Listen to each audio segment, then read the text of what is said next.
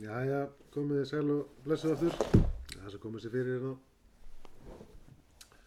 Velkomin í uh, Biblía 101 podcast.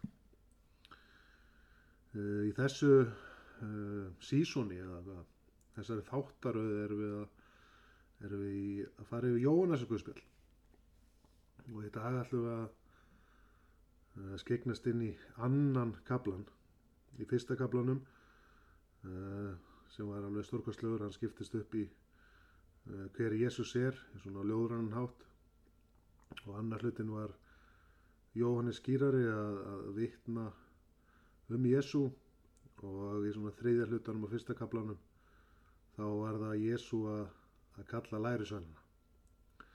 En í öðrum kaplanum sem við ætlum að fara inn í í dag er alveg heilmart og eins og áður þá mæli með að þú, þú lesir kaplan sjálfur eða sjálf. Og þannig hvort merkir í biblíuna þeina og það sem að Jésu tala til þín eða, eða það sem að þið finnst erfitt að skilja og, og allra best er að eftir að búin að lesa og pæla þess í þessu og byggja, byggja Guðum að gefa þér anda speki og ofenbörunar svo fáið þekktan og, og bjótu heilan anda með þér í lesturinn. Svo, svo við fáum skilning. Ekki bara svona head knowledge eða svona ekki bara skiljið með þessum heldur að við, við fáum að sjá með hjartanu. Því að biblían er lifandi orð og þess vegna er það svo mikilvægt. Og skrifa sér niður í dagbók þar sem að Guði tala til þín og að það er einhverju ofinberðinir og þá getur alltaf farið í það setna og nota það kannski ef Guð kallaði þess að predika eða kenna eða eða ímislegt byggja fyrir öðrum þá er svo gott að sapna þessum dýrmættu steinum og, og dýrmætta sannleika í hjartað og, og, og skrifa niður eins og geimi hlöðu. Og þá getur alltaf gripið í það setna og stundu fæ maður svona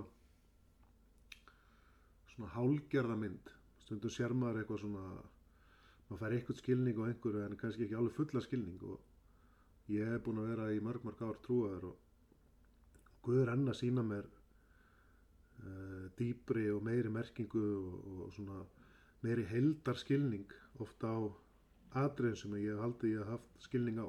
Þannig að orðið, þú svo ég sé að lesa kannski einhverju sögu marg ofta þá er ég ofta að fá svona, ha, hérna er eitthvað meira. Og það nærir anda minn. En uh, byrjum hérna í, í öðrum kaplanum í, í Jóhannesarkuðspjalli og þar segir Á þriðja degi var brúðkaup í Kana í Galilegu. Móður Jésu var þar. Jésu var bóði til brúðkaupsins og læri sveinum hans. En er vín þraut, segir móður Jésu við hann, þeir hafa ekki vín. Jésu svarar, hvað viltu mér kona? Minn tími er ekki enn komin. Móður hans sagði þá við þjónana, allt það sem hann segir ykkur, það skuli þið gjöra. Nú voru þar sex vasker úr steini samkvæmt reglum gýðinga um hreinsun og tók hvert þeirra tvo mæla eða þrjá. Þetta eru um 100 lítrar. Jésu segi við þá, fyllið kerin vatni, þeir fylltu þau á barma. Síðan segir hann, auðsi nú af og færi veislustjóra, þeir gerðu svo. Veislustjóri bragðaði vatnið sem var orðið vín og vissi ekki hvaðan það var en þjónarnir sem vatnið hefðu auðsið vissu það. Þá kallaði veislustjóri á brúðgumann og sagði allir menn bera fyrst fram góða vínið og síðan hið lagara er menn gerast ölvaðir. Þú er geimt góða vínið þar til nú. Og uh, þarna sjáum við að Jésu og, og Marja, uh, móðir Jésu og lærisverðarnir eru í brúðköpi og uh, vínið í brúðköpunu það þrítur og uh, Jésús uh, breytir vatni í vín. Nokkuð basic og, og kannski margt sem við getum svona lært af þessu. Og svona kannski praktíska praktíska hliðin sem við sjáum er að, að það var ákveðin skortur bara í brúðköpunu og það geti verið kannski svolítið neyðalegt fyrir brúðhjónin að, að vantaði eitthvað upp á veisluhöldin. Uh, ef við förum kannski ef við skoðum aðeins kraftaverkið að breyta vatni í vín það er unni svolítið svona það er merkilegt kraftaverk að því leytum til að að uh, kannski svona eðlisfræði, eðlisfræðilegt að breyta einum hlut í annan. Ég, ég man ekki eftir að ég man ekki eftir að það gerist á öðrum staði í biblíunni, maður mað sér á öðrum stöðum að Jésús hann uh, læknar sjúka og fyrirgefur syndir og, og markvaldar brauðin og, og fiskana og, og einu stað þá hastar hann á, á, á vindin og veðrið. En þarna þá er hann að breyta einum hlut svo hann verði á öðrum hlut. Og hann breytir vatni í vín. Og það er líka mjög mjög aðteglisvert að Jésús sýnir hann hefur vald yfir eðlisfræði í rauninni að hann getur breytt einu hlut í annan. Og uh, þegar ég var að byggja yfir þessu og byggja Guðum skilning á þessu og þá, þá segja ég bara hvað melkurandi og það sem ég finnst merkilegt þegar ég er að lesa þetta núna er að mér finnst þetta tala þar en til mín að þetta hefur svona ákvöndar skýrskotanir í kannski gamla og nýja sáttmálan. Eh, það byrjar til dæmis, kaplinn byrjar á þriðja degi var brúðkaup í Kana í Galilegu. Og oft sjáum við veist, í biblíunni á þriðja degi þýðir oft svona það er dagur upprisunar og einhverja breytinga. Eins og Jó, Jónas í, í kvalnum, hann var þrjá daga í kvalnum og uh, Jésús var þrjá daga í gröfinni og uh, setna í þessum kabla þá er faraðans inn í mustrið það mun verið byggt upp á þremur dögum en þarna eru við á þriðja degi í þessu brúðkaupi. Uh, brúðkaup hafa líka oft verið svona guðið með ákveðna svona tákmynd og kennslu er endar í biblíunni um brúðkaup þar sem að við kirkjan við erum brúður Kris og eh, og eh,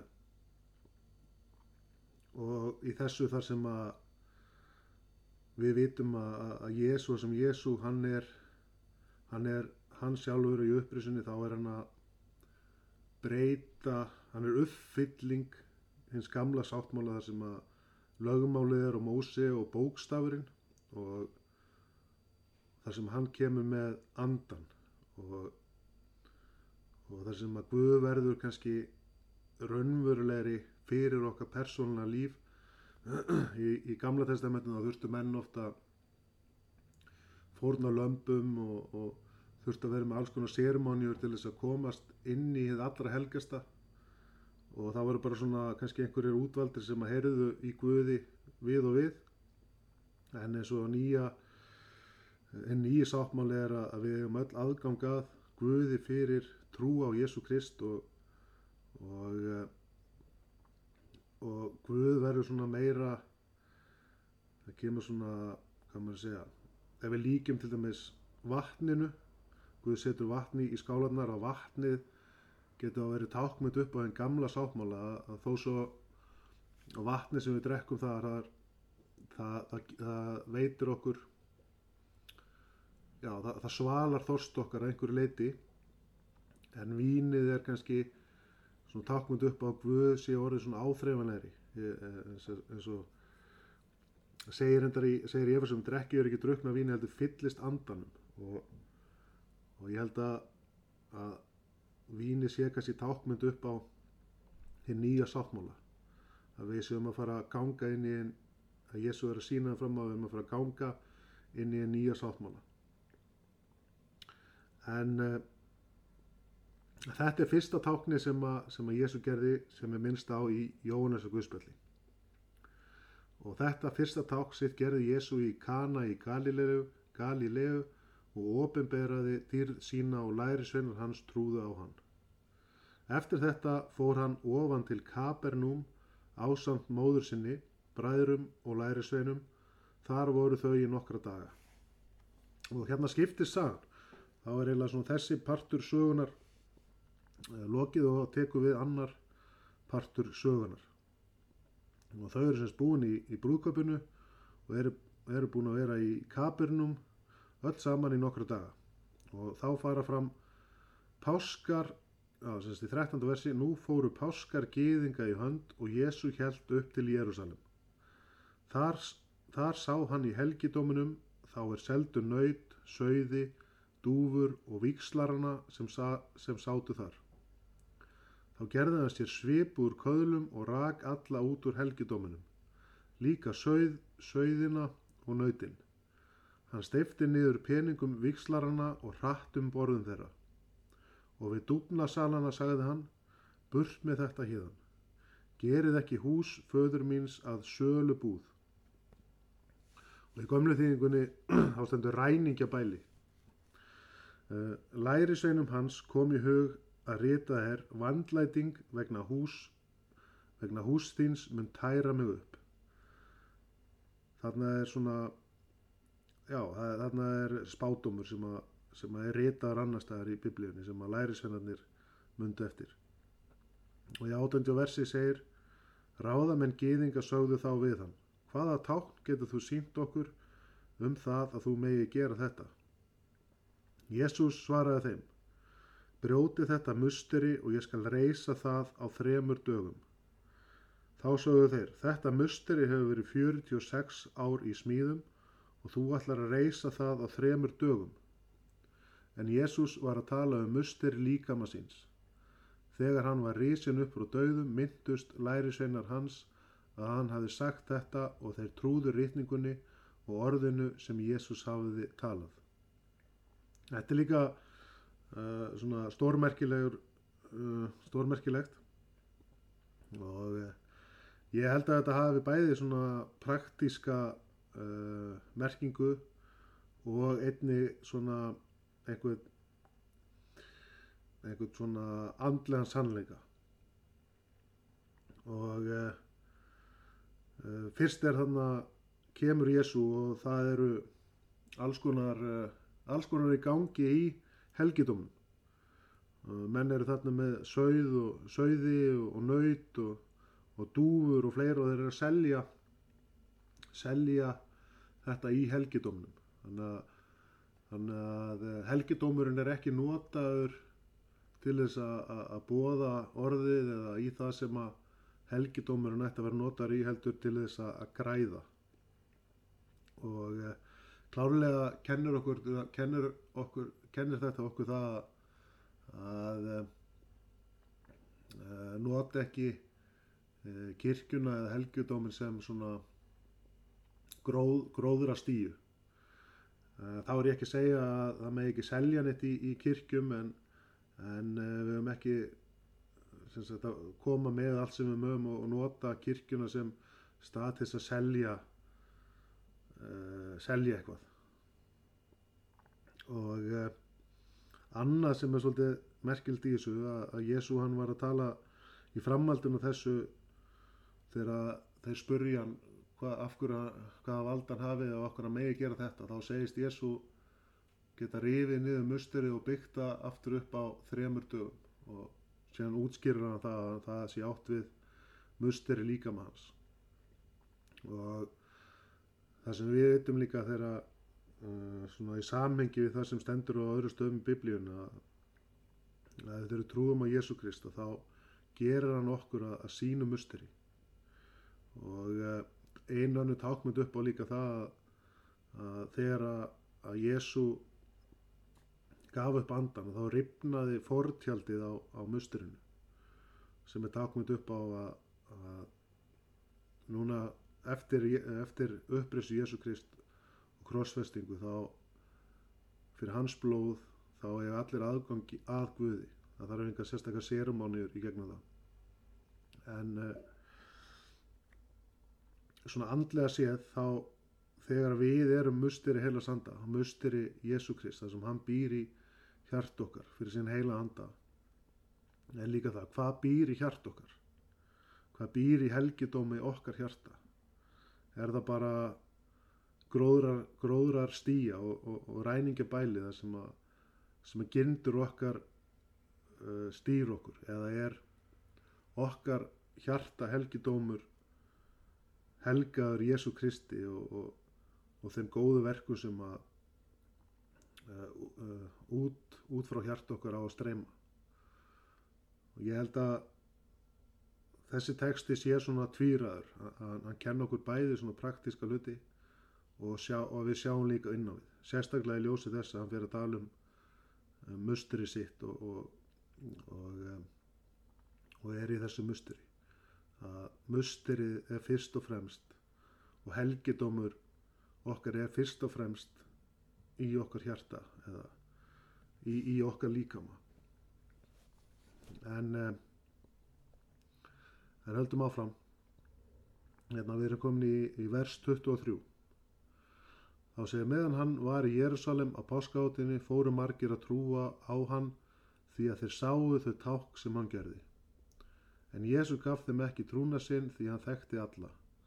Hann þurfti þess ekki hann þurfti þess ekki að neitt bæri öðrum manni vittni hann vissi sjálfur hvað í manni býr. Og uh, og þetta sínum manni áframaldum það að drottin hann þekkir hjört okkar hann veit hvað býr innra með sérkurum okkar og, eh, og versið þarna sínur okkur að, að menn voru kannski að koma og, og bera öðrum vittni það því bara að segjum að ég hérna og Óli erum hérna og, og ég hef aðeins kynst Jésu og ég vil að uh, ég segi Jésu, herri hérna er hann Óli hann er losa flottur og og góður uh, Guðsmaður og þá þarf ég raunin ekki að segja Jésu það en þess að Jésu hann þekkir hjört okkar. Hann, hann þekkir okkar hel, helgidóm. Hann veit hvað býr innan með okkur.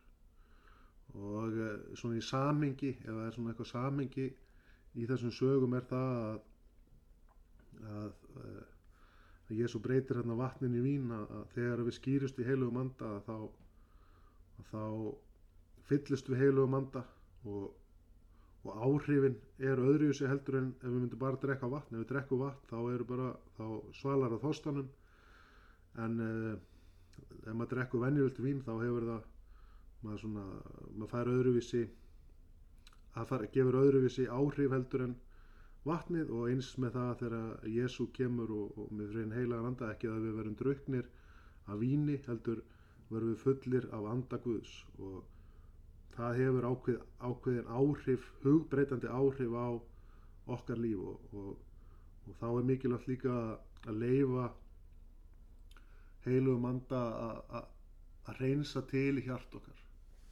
Að hann getur reynsa til í okkar hjarta svo okkar hjörtu séu ekki já, svona andlega séu full af sögðum og nautum og, og græki og fleiru heldur hans gjöfum á öllu því sem að hann hefur fyrir okkar líf. Og þá er helgidómur okkar heilaður og góðu bústæður fyrir hann að dvelja í. En eh, þetta var annar kapli og eh, eins og ég segi ég hveti til þess að halda áfram að, að lesa og, og, og, og byggja og eh, þetta er stuttur kapli en, en mjög, mjög svona, það er mjög mikið í honum. Og e, svona þegar maður lesa hann kannski bara hratt yfir þá sem maður þessar praktísku hluti. Og svo breytti vatni mín reynsaði út um musturinu og e, svaraði bara eh, farisögunum á ráðumönunum þegar maður býði Guð um að koma og, og ofinbæra textan þá er sér maður fljótt að það er miklu meira í textanum heldur en kannski það sem maður sér svona við fyrstu sín þess vegna er líka svo mikilvægt að byggja heilan anda að koma og vera með sér og, ofinbera orðið sitt. Þessum bara byggja saman. Þakkaði fyrir heila randi takk fyrir að upplýsa sálarsjón okkar svo við fáum að þekkja þig svo við fáum að þekkja sannleikan um þig drottin svo við fáum að fyllast af þér svo okkar kér mitt ger drottin fá að, að fyllast af þínum anda. Og líf mitt með að vera bera þess vittni að ég er fylltur af þér drottin þú ert þið sanna vín drottin þú ert þú hefur þinn heila anda. Og eh, hjálpaði mér að að reka allt út sem ekki á að vera í þeim helgidómi sem að þú skapa með þess að vera sem þitt musteri drottin þú þekki hjarta mitt. Þú þekki hjartan okkar í Jésu nafni. Amen. Já, ég þakka ykkur kjallaði fyrir uh, uh, samverun í dag. Þetta var annarkabli Jónas Guðspjáls og uh, næst fyrir við þriðakabla og uh, takk fyrir samveruna drottin blessiði í dag og uh, náð sé með þér. Náð sé með þér. Halleluja